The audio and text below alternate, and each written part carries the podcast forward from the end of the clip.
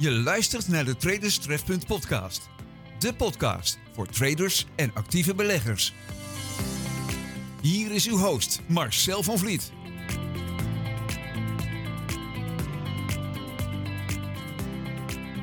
Je kent ze waarschijnlijk wel. De video's op het internet van traders waarvan nog nooit iemand heeft gehoord, die komen voorrijden in een Lamborghini of je vanaf het dek van hun jacht uitleggen hoe ook jij zo succesvol kunt worden.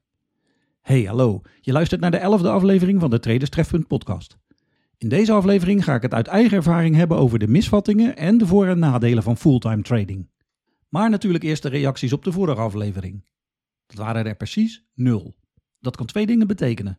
Of ik ben zo duidelijk dat er niemand vragen heeft, of iedereen is zo druk met handelen in de zomerperiode en vinden het kennelijk toch nog een beetje eng. Laat je niet tegenhouden door je twijfels. Als je een vraag hebt, pak je kans. Zoveel gratis adviezen zul je niet tegenkomen. Oh, en je vragen hoeven niet per se over de laatste aflevering te gaan hoor, als ze maar met trading of beleggen te maken hebben. Het lijkt mij stug dat er in het netwerk van Traders Trefpunt niemand is die het antwoord op jouw vraag weet. Je kent het adres info@traderstrefpunt.nl. De Traders Trefpunt podcast met Marcel van Vliet.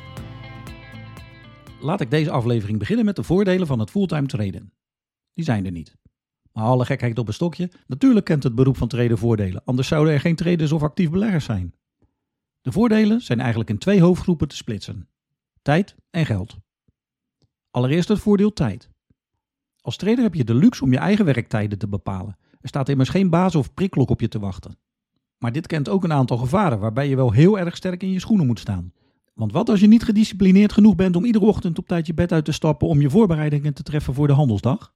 En wat als je van gekkigheid niet weet wat je allemaal met je vrije tijd gaat doen? Hele dagen binge-watchen en gamen ben je als je de snelle wereld van het traden gewend bent ook snel zat hoor. Een advies dat ik je kan geven is om naast het traden, dat dat immers je werk is, een leuke hobby te zoeken waarin je je ei kwijt kan. Zo ben ik om die reden gestart met deze podcast en de Traderstref.website. website. Het tweede voordeel wat je als fulltime trader of actief belegger kan hebben is geld. Tenminste, als je het goed doet. Door je trading echt te benaderen als je eigen bedrijf heb je al een voorsprong op de traders die het handelen als hobby hebben. Een bedrijf is er immers op gericht om winst te maken, terwijl een hobby in de regel alleen maar geld kost. De kunst is om de voordelen van tijd en geld zwaarder te laten wegen dan de nadelen. En je zeker niet gek te laten maken door de valse illusies die ze je via het internet proberen te verkopen. Wat veel beginnende traders vaak niet willen zien is dat er ook best wel een aantal nadelen kleven aan het fulltime traden. Natuurlijk, het ziet er voor de buitenwereld allemaal gelikt uit als je vertelt dat je professioneel op de financiële markten bezig bent. Maar al gauw zul je erachter komen dat mensen trading vanuit hun onwetendheid vaak zien als gokken. En hoe aardig ze ook vinden, ze zullen je toch een beetje bekijken als gokverslaafde. De financiële vrijheid die zo vaak op het internet wordt verheerlijkt, is lang niet voor iedereen die aan trading begint weggelegd. Stel je voor dat je bij de bakker vertelt dat je trader bent en de bakker zegt dat is leuk, maar uh, dat brood dat voor je ligt kost 2,25 euro. Waarmee ik bedoel te zeggen dat je eerst het geld nog maar eens verdiend moet hebben voordat je het uit kunt geven. Nog even terugkomen op het geld. Een tijdje geleden had ik een discussie met een trader over geld. Hij beweerde dat geld voor hem totaal niet belangrijk was. Ik was het er maar gedeeltelijk mee eens. Natuurlijk is het verdienen van geld een gevolg van het proces van trading. Dat was het gedeelte waar ik het nog wel mee eens kon zijn. Maar het is wat mij betreft puur onzin om te stellen dat geld niet belangrijk is. Zonder geld kun je geen boodschappen doen of de huur niet betalen. En zonder geld kun je de dingen die het leven zo leuk maken ook niet doen. Denk maar eens aan je vakantie of gezellig met je vrienden uit eten. Je kunt bijvoorbeeld zonder geld geen cadeaus kopen voor degene waar je om geeft en geen goede opleiding voor je kinderen bekostigen. Zo kan ik nog wel even doorgaan met het benoemen waarom ik het wel degelijk belangrijk vind om geld te verdienen. Ik denk dat je er zelf ook nog wel een paar kunt verzinnen. Een van de meest gestelde vragen via de mailbox van de traderstref.website is hoeveel kapitaal er nodig is om afscheid van de baas te kunnen nemen.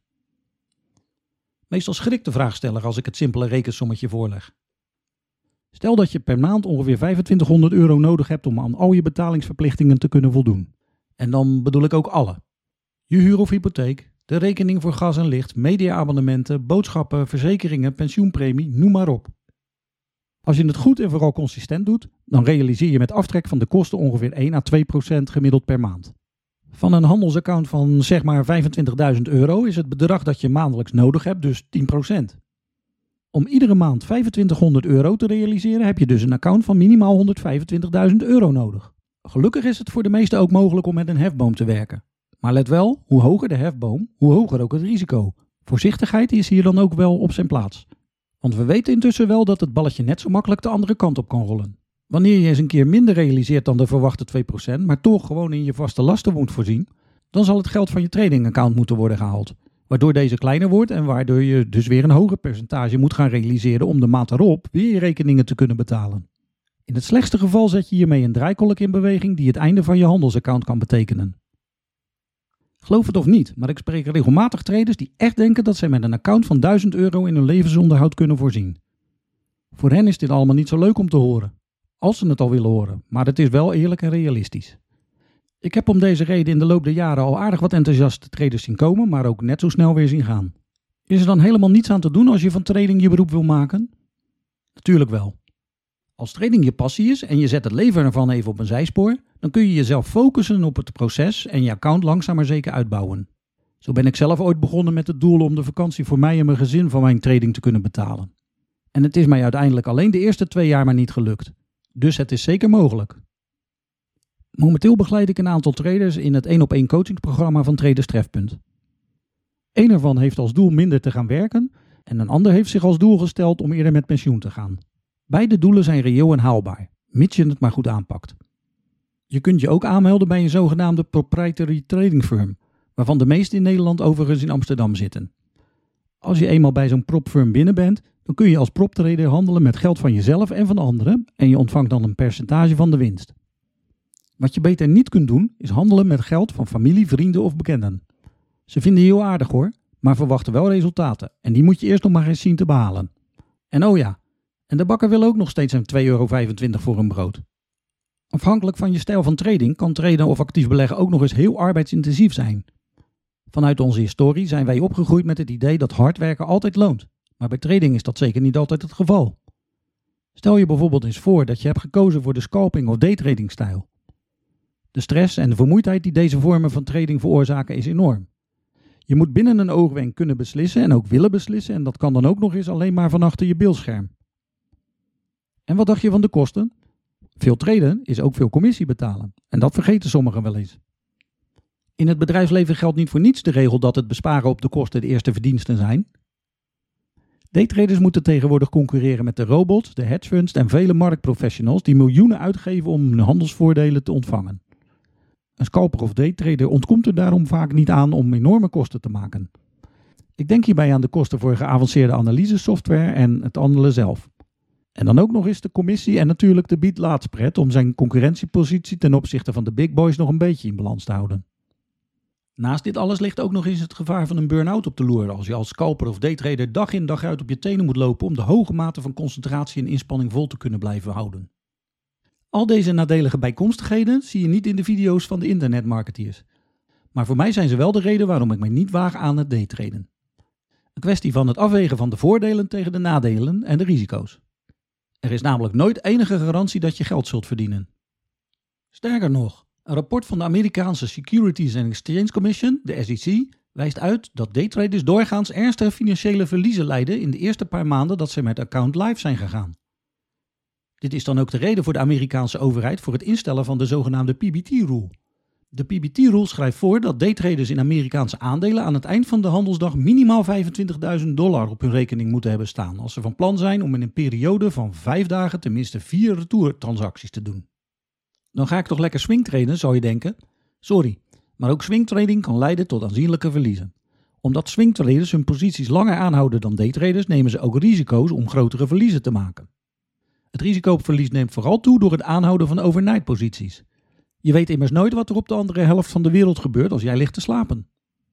Leuk is het in ieder geval niet als je ochtends je platform opent en je ziet dat je met 1 of 2-0 achterstand begint. Om nog maar te zwijgen dat je je partner tijdens de koffie moet vertellen dat de vakantie waarschijnlijk dit jaar nog even niet geboekt kan worden.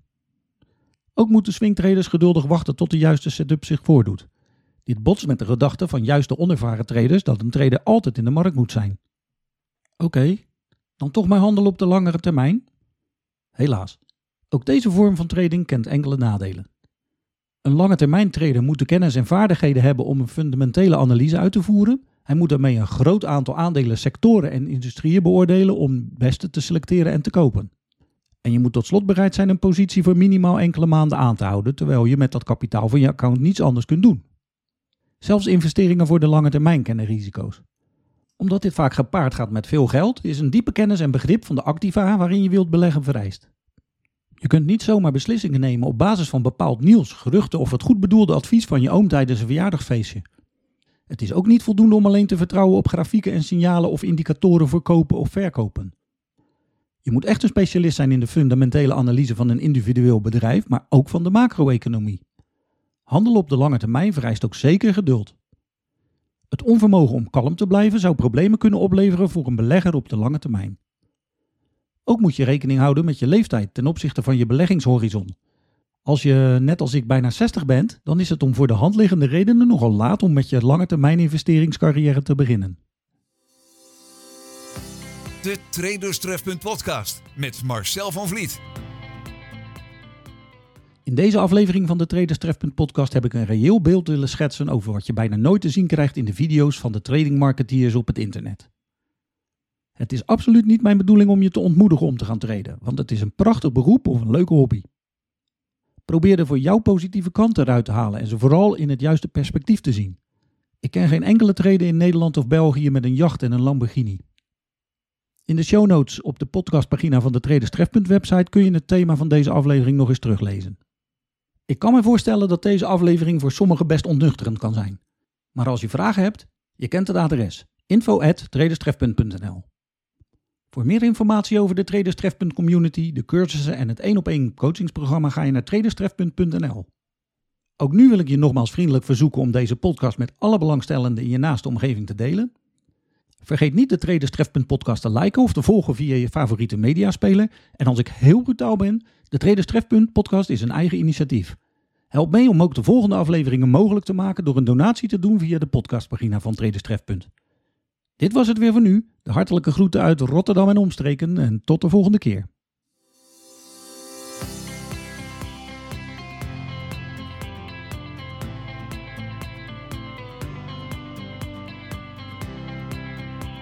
Je luisterde naar de Traders Trefpunt podcast.